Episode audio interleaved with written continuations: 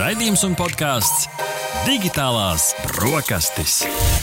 Tava ikdienas tehnoloģiju ziņu deva kopā ar Arti un Rihardu. Labrīt, klausītāji! Jūs klausāties digitālās brokastis, jūsu ikdienas tehnoloģiju ziņu devu, kur runājam par dažādām tehnoloģiju aktualitātēm. Mūsdienīgi gadgeti, globālas tendences, sociālo tīklu uzplaiksnījumi, aizraujoši zinātnes sasniegumi un vienkārši amizantas lietas digitālajā pasaulē. Ar jums kopā, kā jau katru piekdienas rītu, ir digitālo brokastu šefpavārs Artis, un ar mani šajā rītā ir kopā cilvēks, kurš savā mūžā ir restaurējis elektroskūteri. Tas ir neviens cits kā tehnoloģija gurmāns Rihards. Rihards.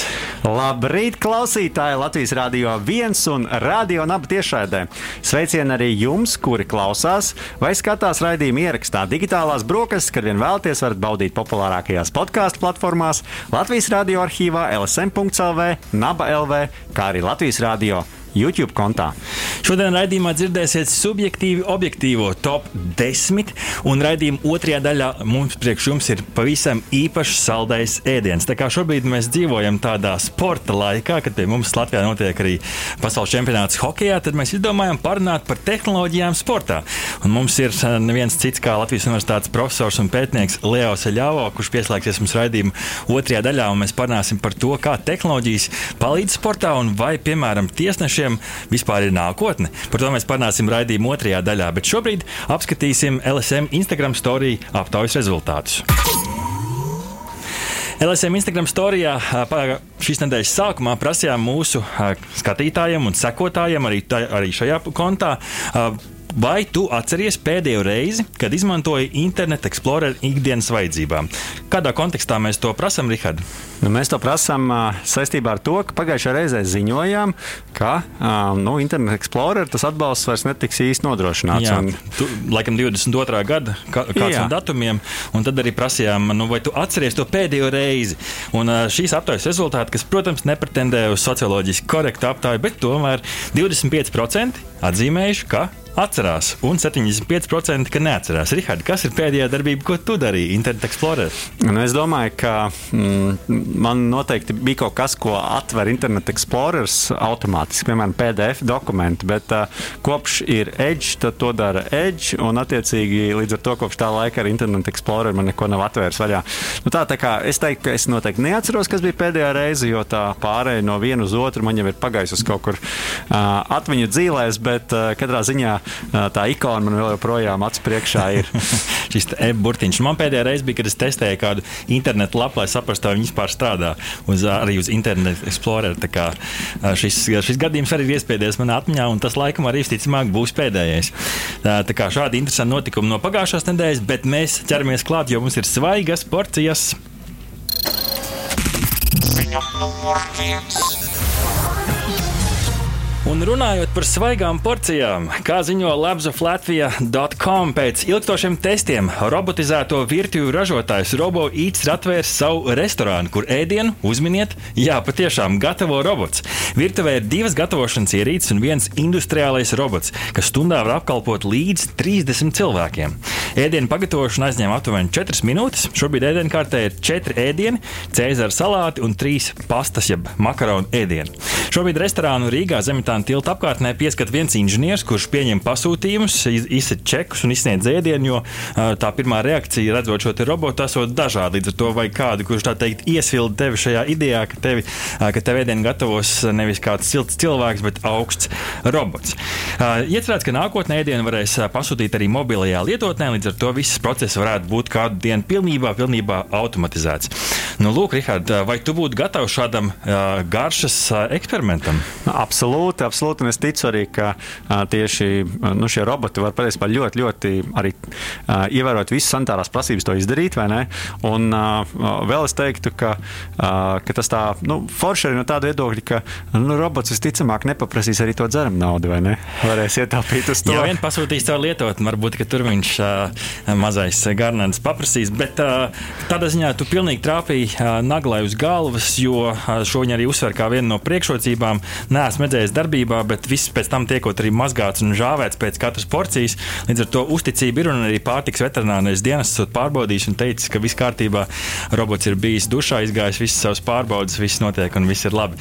Bet tas, kas ir interesanti, ir man gribētu tos pagaršot un saprast, kas ir tas, kas pazūd šajā visā. Nu, tomēr, nu, vai robots spēj izdot mīlestību, ko mēs sagaršojam, piemēram, vecmāmiņas zupā, vai arī nu, kāda šefpavāra gatavotajā ēdienā. Man šķiet, ka šī konsistence tur varētu iztrūkt, bet par to laikam ir jāpārliecinās.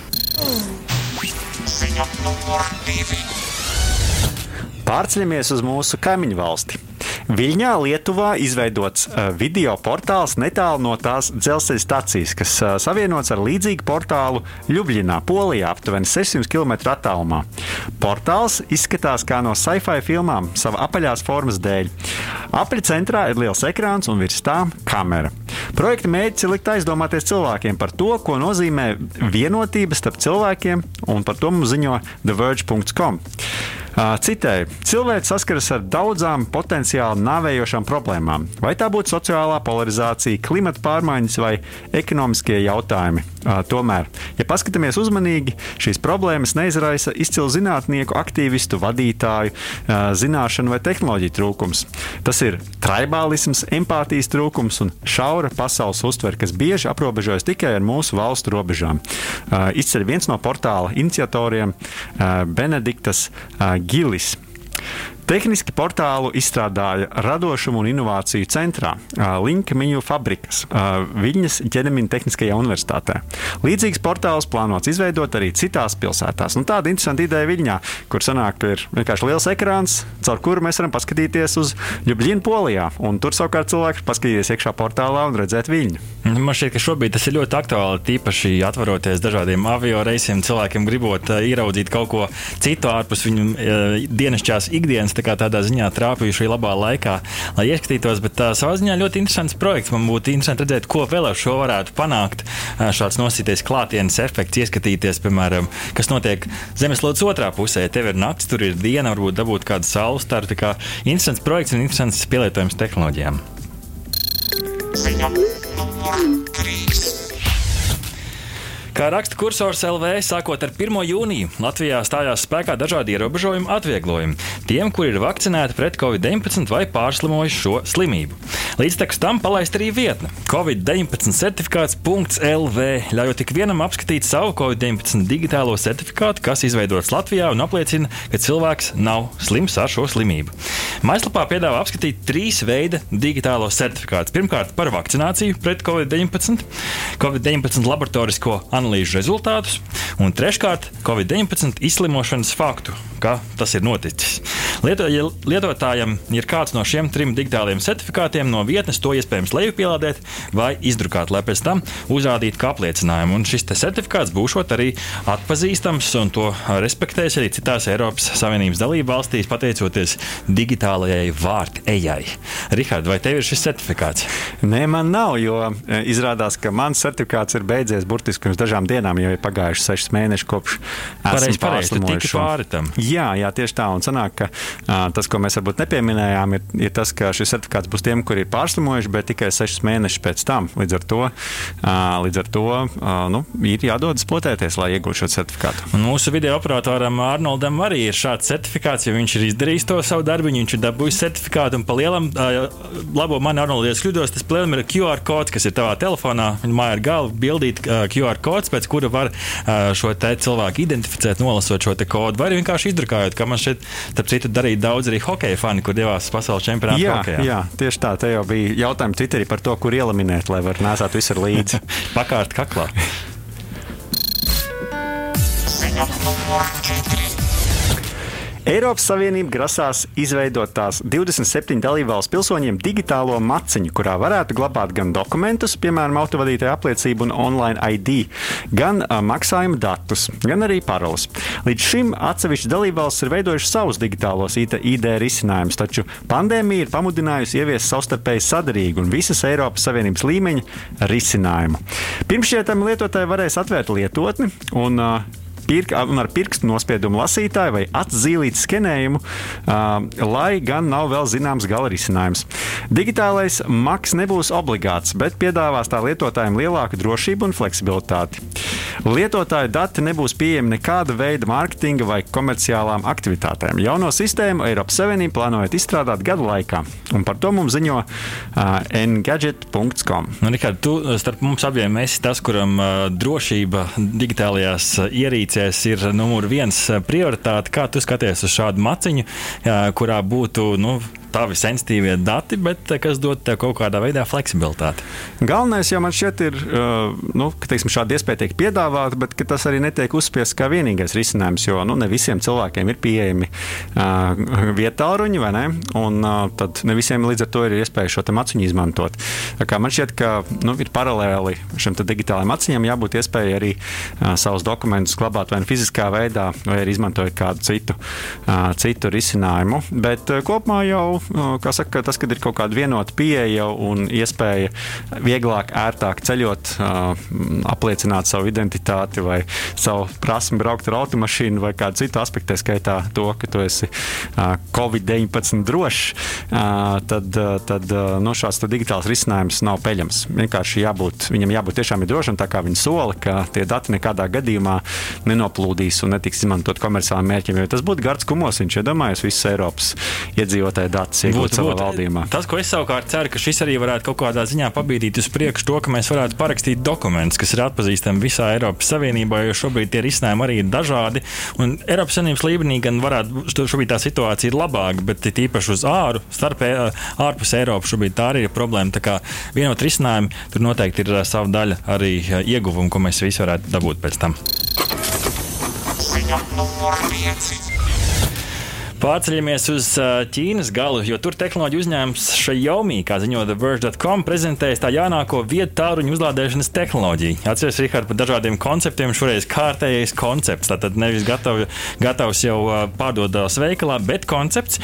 Un koncepts vēstīja mums, ka pielāgot Mi 11 Pro ar 4000 mAh bateriju ar vadu Viņi varēja uzlādēt 8 minūtēs ar 200 vatu hypercharge sistēmu. Savukārt bezvadu 120 vatu lādētājs telefonu uzlādēja 15 minūtēs. Praktiski uzliec lādēties, uztaisīja kafiju un telefons jau ir uzlādējies. Šī tehnoloģija gan, kā jau uzsvēra, uzsvēra ir tikai demonstrācija, ko iespējams varētu, varbūt arī neparādīsies tomēr veikala plauktos, jo, piemēram, pirms diviem gadiem šo Xiaomi solīja 4000 mAh bateriju uzlādēt 17 minūtēs, un pagājušā gada Mi 10 Ultra. Nu, lai gan 4500 mAh baterija, bet tomēr uzlādēja 23 minūtēs. 5 minūšu starpība, lai gan kurā brīdī mēs sākam skaldīt matus 5 minūtes turp šurpu, cik tas ir nozīmīgi, nu, varbūt kādam ir.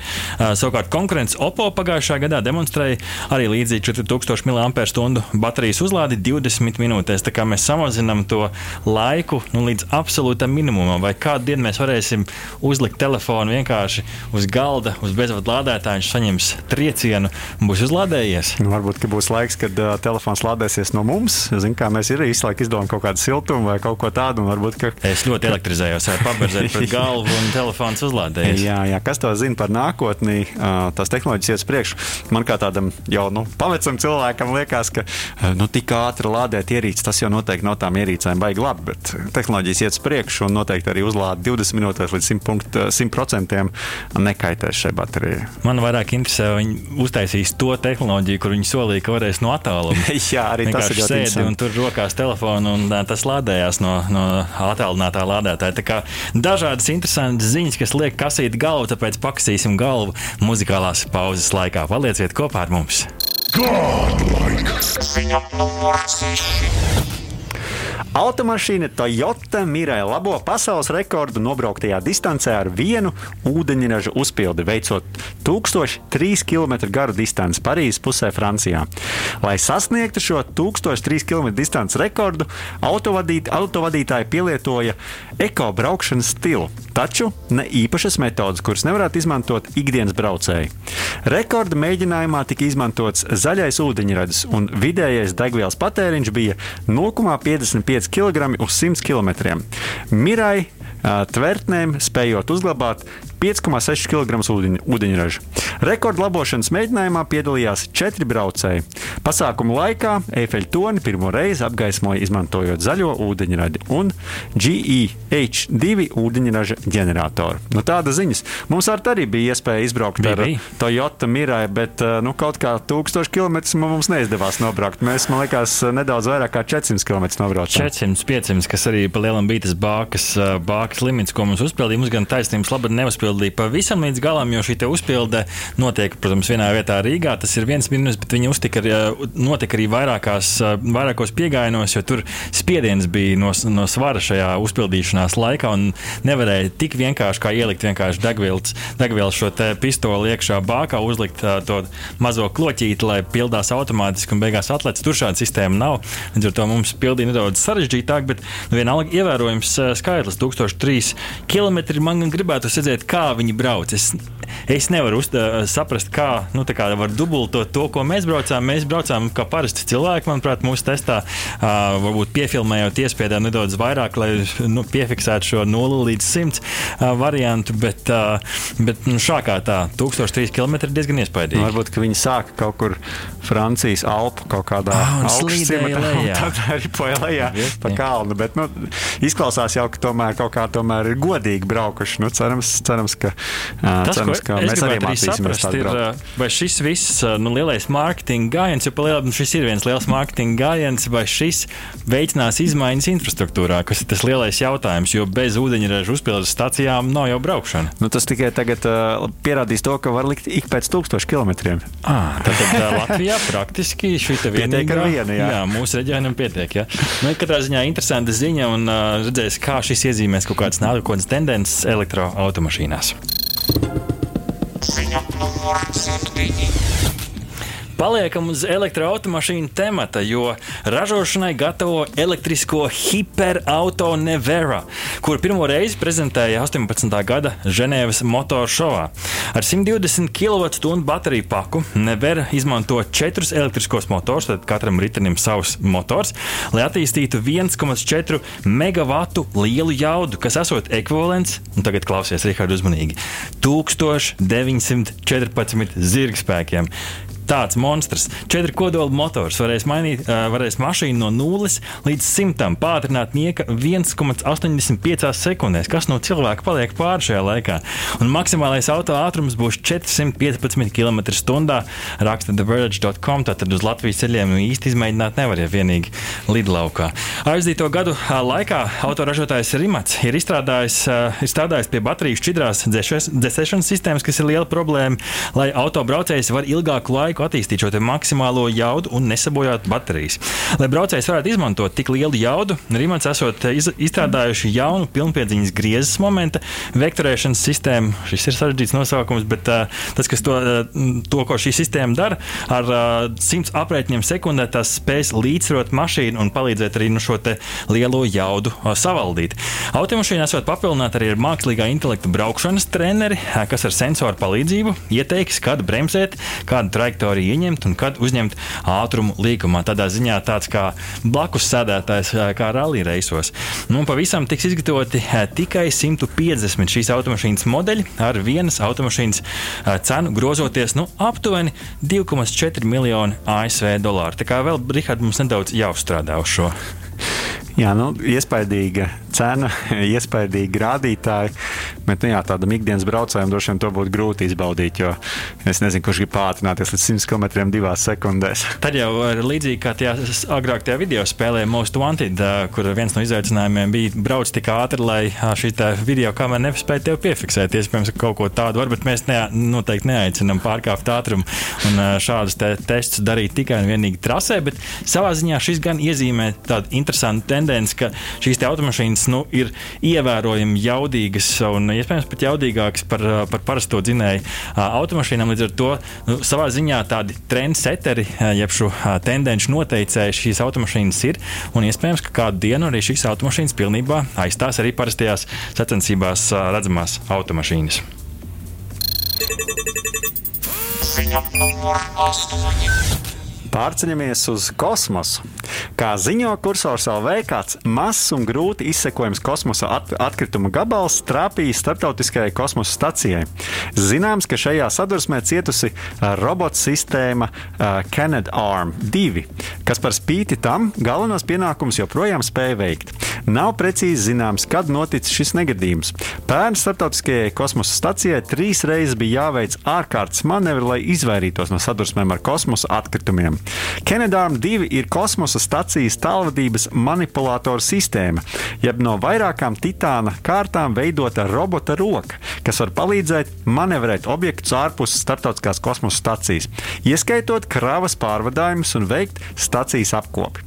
Kosmosa aģentūras visā pasaulē izsako vairāk nekā 23,000 kosmosa atkritumu vienības, kas izmēru ziņā ir pielīdzināmi vai pārsniedz tenisa bumbiņas apmērus. Mazākas vienības nav izsekojamas. Nu jā, ka kāds tam ar papīra bumbiņu ir viena lieta, bet tajā brīdī, kad uh, maz šāda bumbiņas izmēra detaļa pātrinās uh, kosmosa ātrumos, uh, tad uh, var iztriekties pat cauri metāliskām aizsargu barjerām. Tā kā uh, šī ar vien uh, varētu kļūt par lielāku problēmu, ir šādi tādi risinājumi redzēt kaut kur ziņās par to, ka uh, domā, kā savākt šos kosmosa atkritumus, uh, taču, nu, kā mēs redzam, tad uh, dažādos atmosfēras slāņos satelītus šobrīd izplata. Uh, tā kā iespējams potenciāla vieta jaunam biznesam. Kit? Kit, talk to me.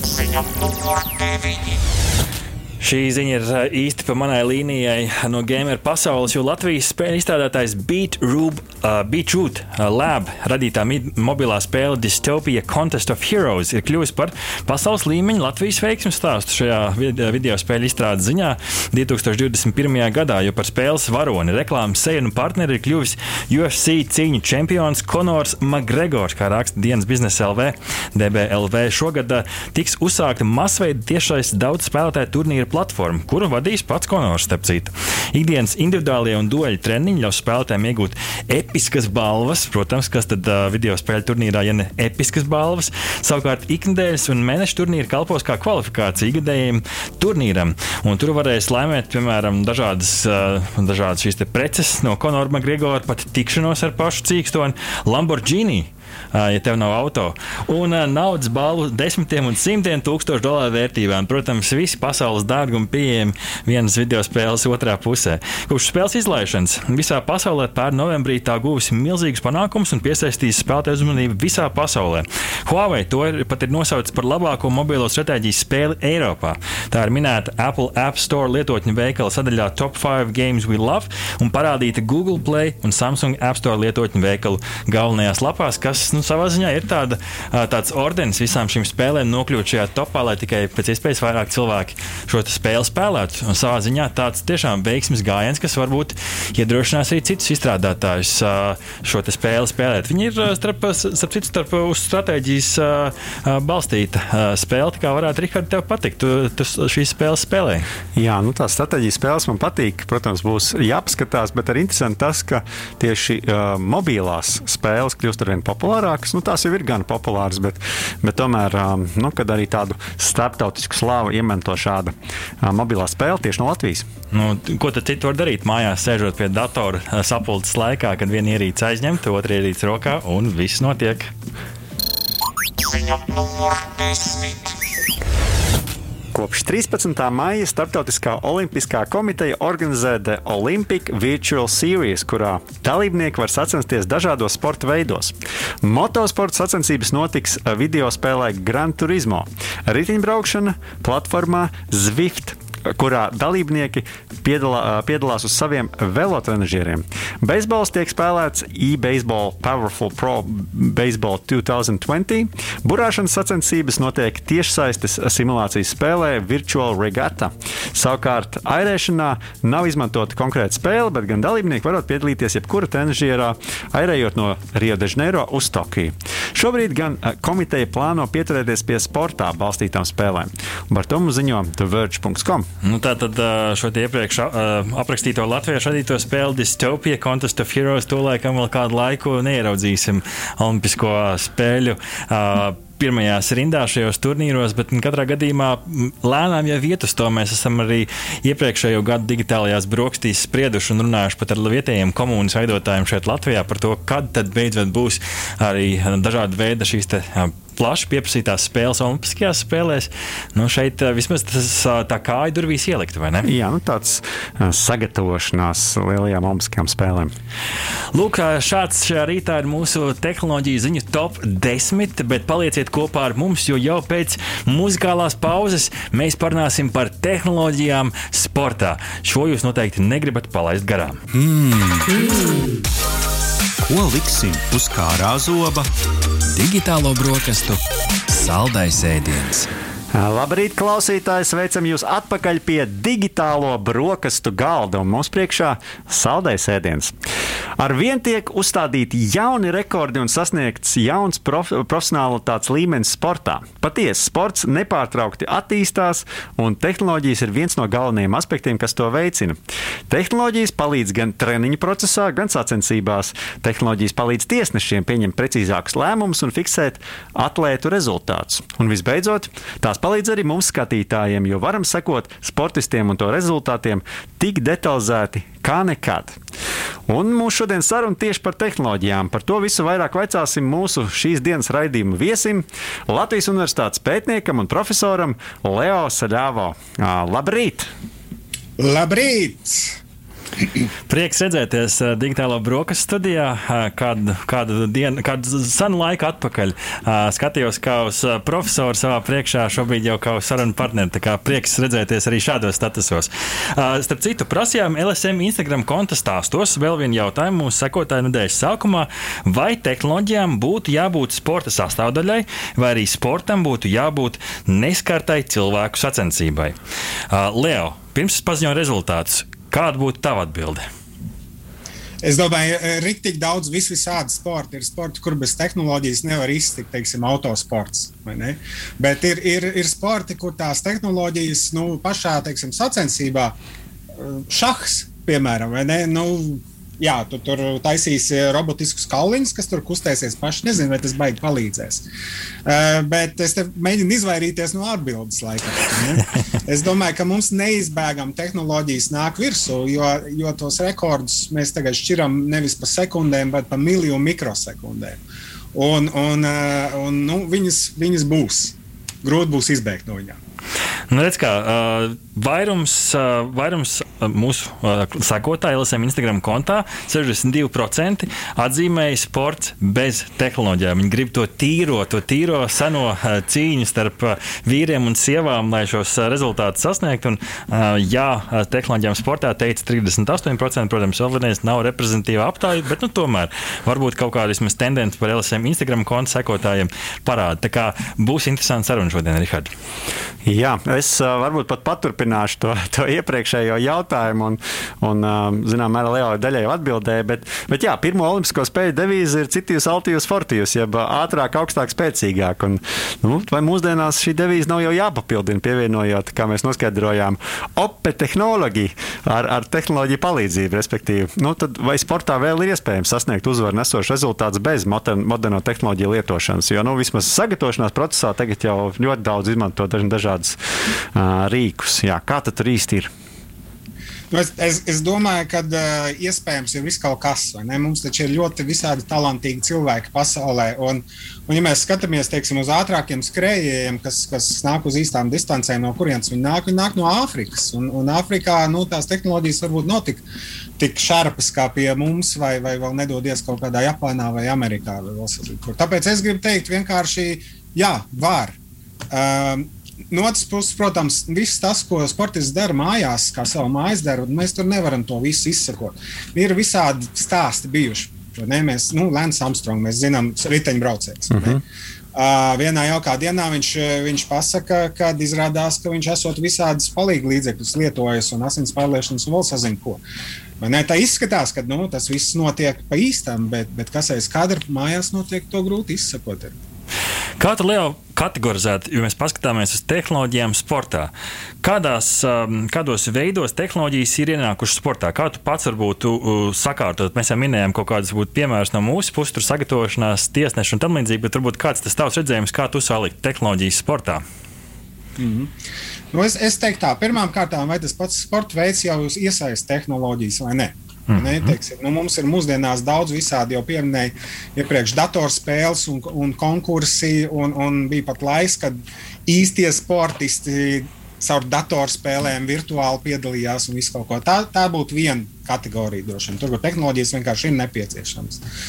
Um, tad um, otra lielā būtu nu, priekš, priekš sagatavošanās priekš treniņiem, priekš labākiem, nu, nu, izvērtējam treniņu, un, un, un lai varētu nu, dabūt to, to rezultātu vēl pa vienu to mikrometru vai mikrosekundi ātrāk. Tā ir tā otra grupa. Un trešā grupa, man liekas, ir vērsta uz, uz nu, teikt, lietotājiem, pareizāk būtu teikt, nu, nu, skatītājiem, līdzjutējiem, visiem tiem, kas nu, nosacīti patērē to sporta izklaidi.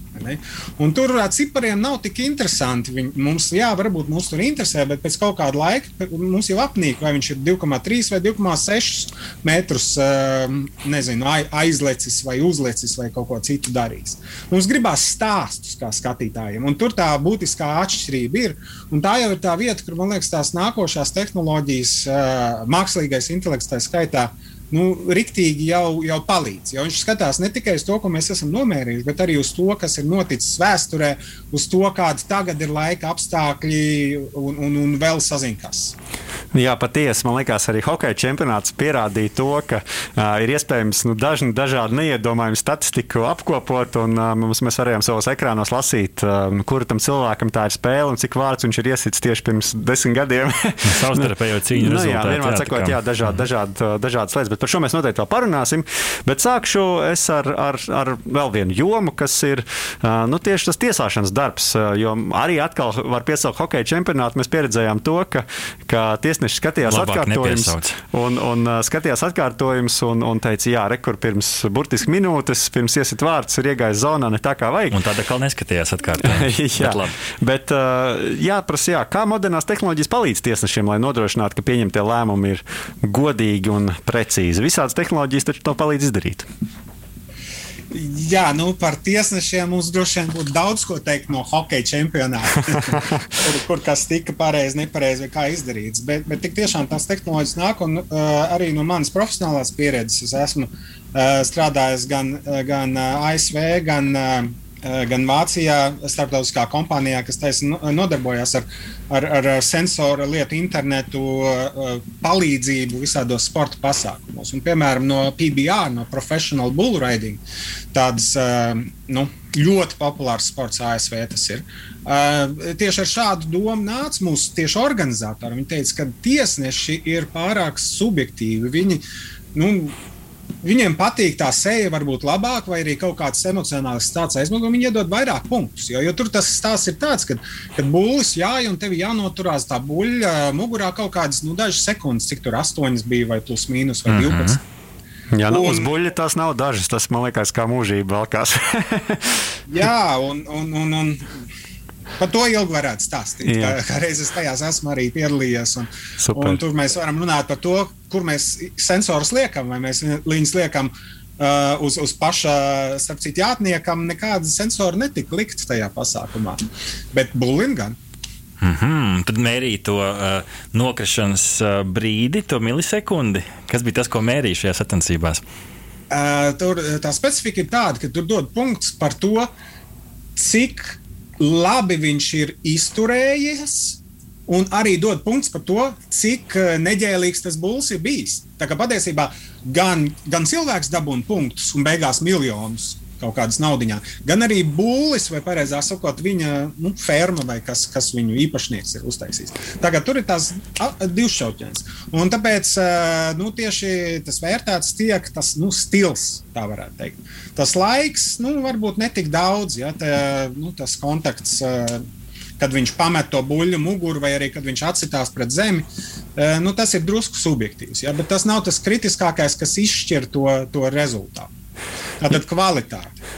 Jā, nu... Tajā sistēmā mums bija tā mūsu digitālā vērtēšanas sistēma. Viņā bija kaut kādi nu, vairāki desmiti tie, tie performance indicators, angļuiski sakot, kas, kas saka, cik, cik labi tur ir bijis. Vai tas būs ir lecis stāv, vai ar griežoties, vai, vai salto mēsdams. Nu, es te pārspīlēju, bet tā arī varētu būt. Jā, nu, vienmēr sakot, tā, tā buļļu jāšana, tāds specifisks sporta veids. Mēs, mēs arī pieminējām iepriekš video atkārtojumus, bet, teiksim, ja tādi klasiskie sporta veidi, tur futbols, hokejs, kur jāmēr, vai tas pats tenis, kur jāsaprot, vai bumbiņa bija pāri līnijai, vai uz līnijas, vai, vai iekšā vārtos, vai tomēr ārā no vārtiem.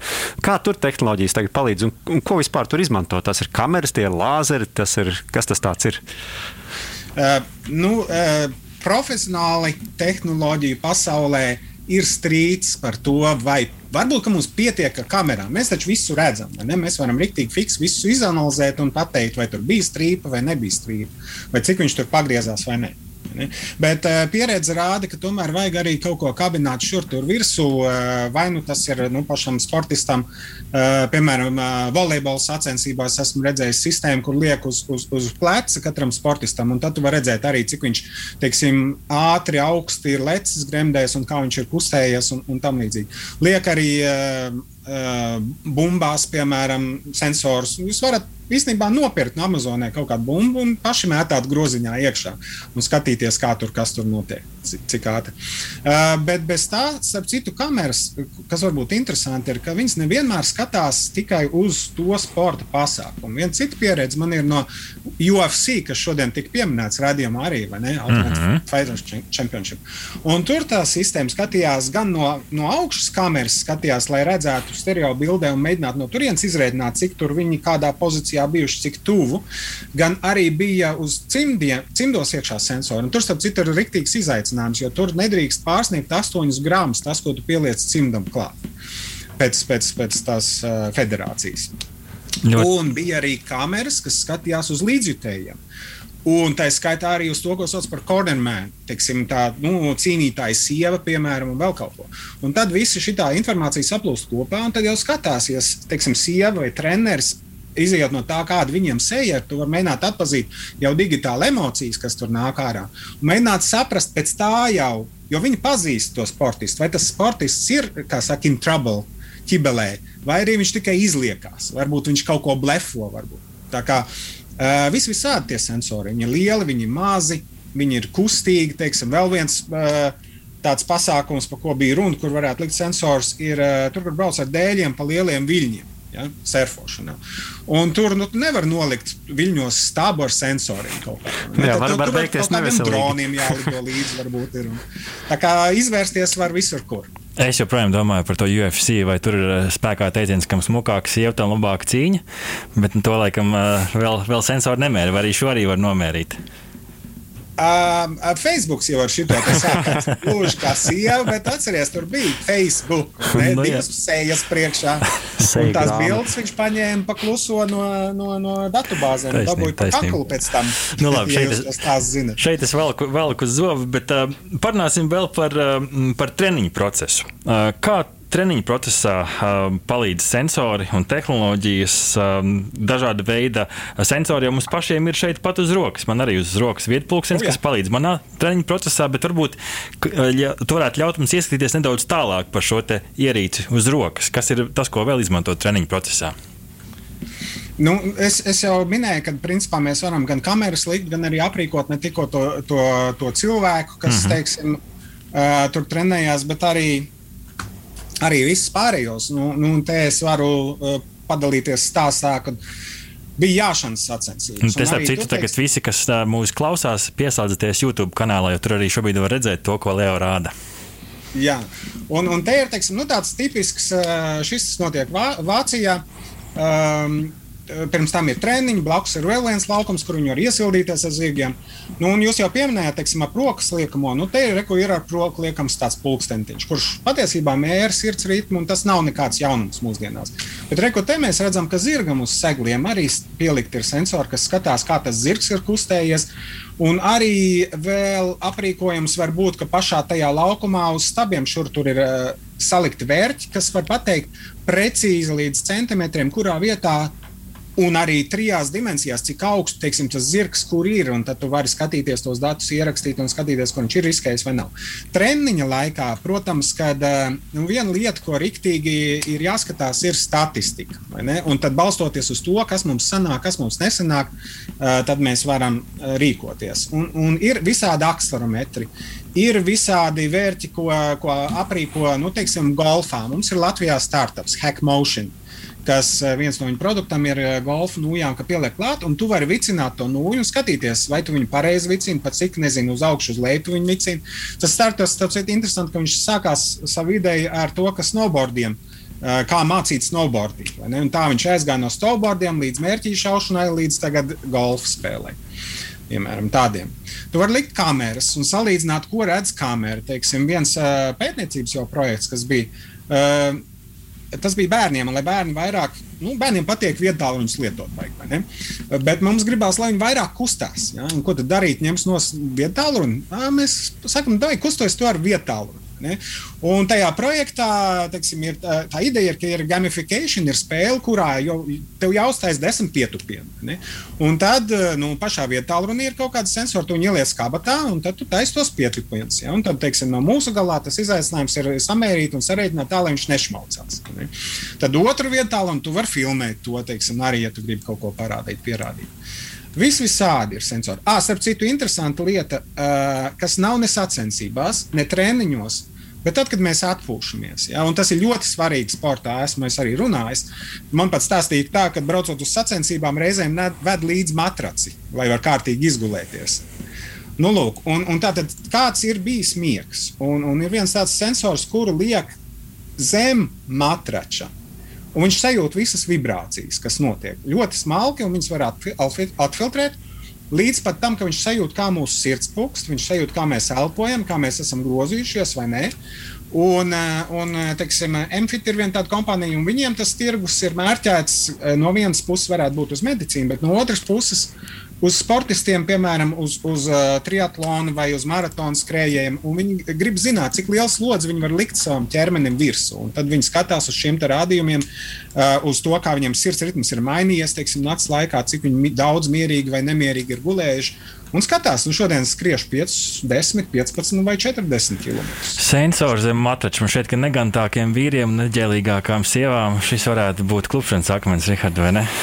Jā, es sakārt, es sakārt jautāšu, kādas priekšrocības jaunās tehnoloģijas sniedz tieši sporta apskatniekiem un skatītājiem, jo nu, tāds tiešām klātbūtnes efekts un nu, cik šobrīd jau ir dinamiski pieejami tie dati, piemēram, komentētājiem.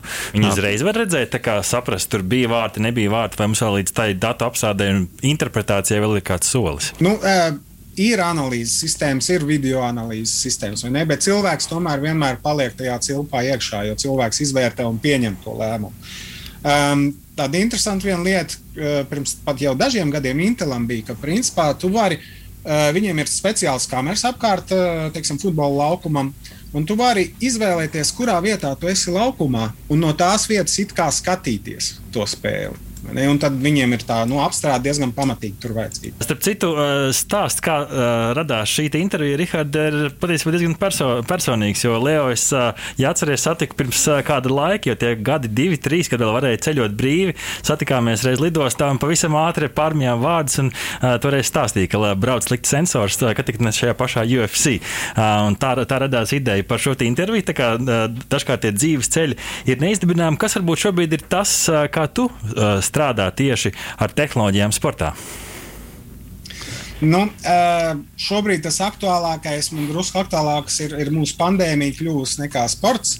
Un, un tur mēs arī pielietojam tās tehnoloģijas, kuras arī -hmm. pielieto sportā. Un, un, un jau tas, ko, mēs, ko es te pieminēju, Uh, ka nu, ir mazi vērtīši, ko mēs varam iedot cilvēkiem. Vai nu tie ir sportisti, vai nu tie ir nezinu, zirgi, vai nu tās ir automašīnas. Vai, teiksim, nu, bija arī viena saruna par to, kā mērīt driftā automašīnām. Cik, jo, teiksim, kā, kā tiek punkti doti driftā, nevis no tā, vai tu ieskrien stabā vai nē. Uh -huh. Ja ieskrien stabā, tad viss ir nulle, vai ne? Bet cik tuvu tu esi nobraucis gar to otru mašīnu vai ko. Un tur jau var pielikt uh, sensors. Un tas, ar kādiem es strādāju, uh, ir to sauc par ultra-wideband sensoru. Tie ir tie, kas mums var pateikt līdz dažiem centimetriem precizitāti, cik liels bijusi ir attālums, vai arī kurās vietās, kurās pozīcijās tas teiksim, sportists tajā laukumā ir bijis. Teiksim, mūsu gadījumā mēs to likām uz muzeķiem Latvijas operā, lai saprastu, vai nu, viņi, kad viņi trenējās, tā nebūtu pareizi teikt, droši vien, ne? bet mēģināja priekš, priekš Ziemassvētku koncerta, vai viņi ievēro distanci, kā viņi kustās, arī, arī strādniekiem, skatuves strādniekiem. Bet principā tas jau arī nu, tāpat kā sportā to varētu darīt.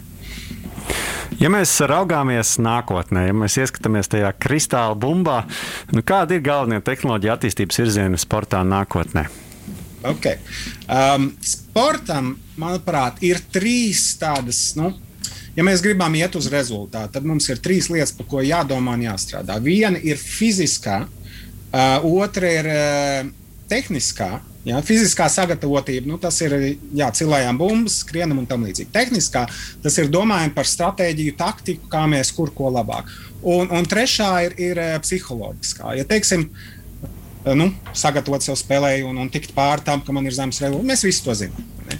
Man liekas, šajā trešajā ir, ir vislielākais pienesums, kas nākotnē varētu nākt. Kā, kā, kā mēs varam uzlabot mūsu psihisko, psiholoģisko stāvokli. Um, jo nu, akcelerometri jau ir ikdiena visādi tie, kas mm. mērķa pātrinājumus un, un sirds ritmus un vēl, vēl, vēl šo to. Sirds ritmus, starp citu, arī tiem pašiem zirgiem mērīs sacensībās ar, ar speciālo sensoru. Tā kā, manuprāt, uh, jā, un, un, un tur uh, tā psiholoģiskā sagatavotība, un tur droši vien, kad mākslīgais intelekts un viss visādas gan virtuālās, nu, immersive tehnoloģijas sauktās varētu palīdzēt, gan arī, lai varētu trenēties, arī tad, kad tu varbūt fiziski neizspēlē, lai varētu izspēlēt to pašu spēli, kas bija jau no tās pašas, vai varbūt no citas pozīcijas, un redzēt, kā savādāk.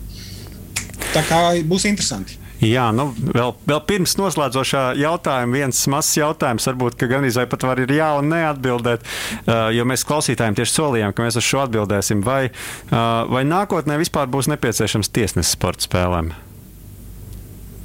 Es domāju, ka jā. Es, es, tā ir drīzāk pārliecība nekā. Ne? E, ir visādi jautājumi. Vai mēs nākotnē saplūdīsim ar robotiem, vai nākotnē ne, būs mm -hmm. nepieciešams sportists vispār? jo jau tagad ir futbola sacensības, kur tikai robots sacenšas. Ja? Par robotiem runājot, vēl viena Latvijas kompānija taisa. Uh, robotu, kas trenē hokejus un arī beisbolus ar perfekti, mm -hmm. kurā ātrumā virzienā mestām bumbām. Mm -hmm. Tā tad mana atbilde būtu jā. Un pavisam noslēdzošais jautājums. Ja mums noteikti klausās kāds jaunietis, kuru, kuram iespējams tu tikko Leo pavēri pilnīgi jaunu pasauli, sports un tehnoloģijas. Izklausās pēc kaut kā tādu, ko man gribētu savā dzīvē darīt. Kas ir jāapgūst, lai varētu kļūt par sporta tehnoloģiju speciālistu? Nu, droši vien, kad uh, sports un tehnoloģijas. Mm -hmm. nu, sports ir, ir ne tikai jāciena, bet ir jābūt iekšā, jāmīl, lai tu saprotu, par ko tā, tas, nu, tā spēle ir vispār, lai tu vari pārredzēt laukumu un saprast to problemātiku. Tā kā ir labi, ka tu nodarbojies ar, ar, ar fiziskām aktivitātēm un kaut kādu sportu. Un tehnoloģija jautājumā. Nu, um, Var iet vairākos virzienos. Viens virziens, kurā es esmu, tās ir tiešām iegultās sistēmas, uh, lai viņas var programmēt, lietu internets, lai, lai, lai zinātu, kā viņus izvietot. Teiksim, Vācijā man, mans amats bija uh, lietu interneta arhitekts. Tas nozīmē, ka tev ir jāizdomā viss tā lielā bilde un sistēma, kur ko kā varētu salikt, lai, lai pēc tam varētu kaut ko jaunu informāciju dot.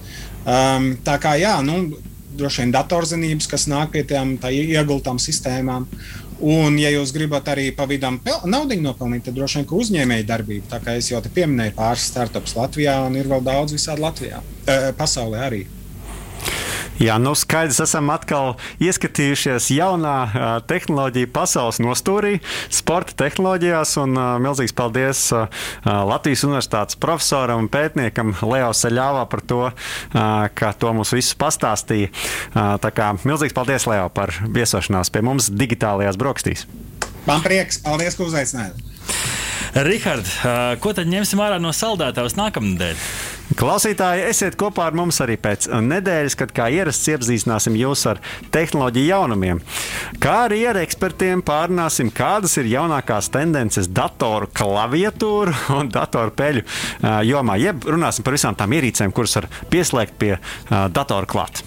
Paldies, ka dzerāt kafiju šajā rītā kopā ar mums. Mūzikas redaktors Girts Bišs, režisors Pults Arnolds Auziņš, raidījumu veidoja radionāba autori Artis Ozoliņš un Rihards Blese speciāli Latvijas Radio 1. Lai jauka piekdiena! Tu klausījies digitālās brokastis. Katru piekdienu no 10 līdz 11. Arī podkāstu formātā, populārākajās platformās. Digitālās brokastis. Tava ikdienas tehnoloģiju ziņu deva.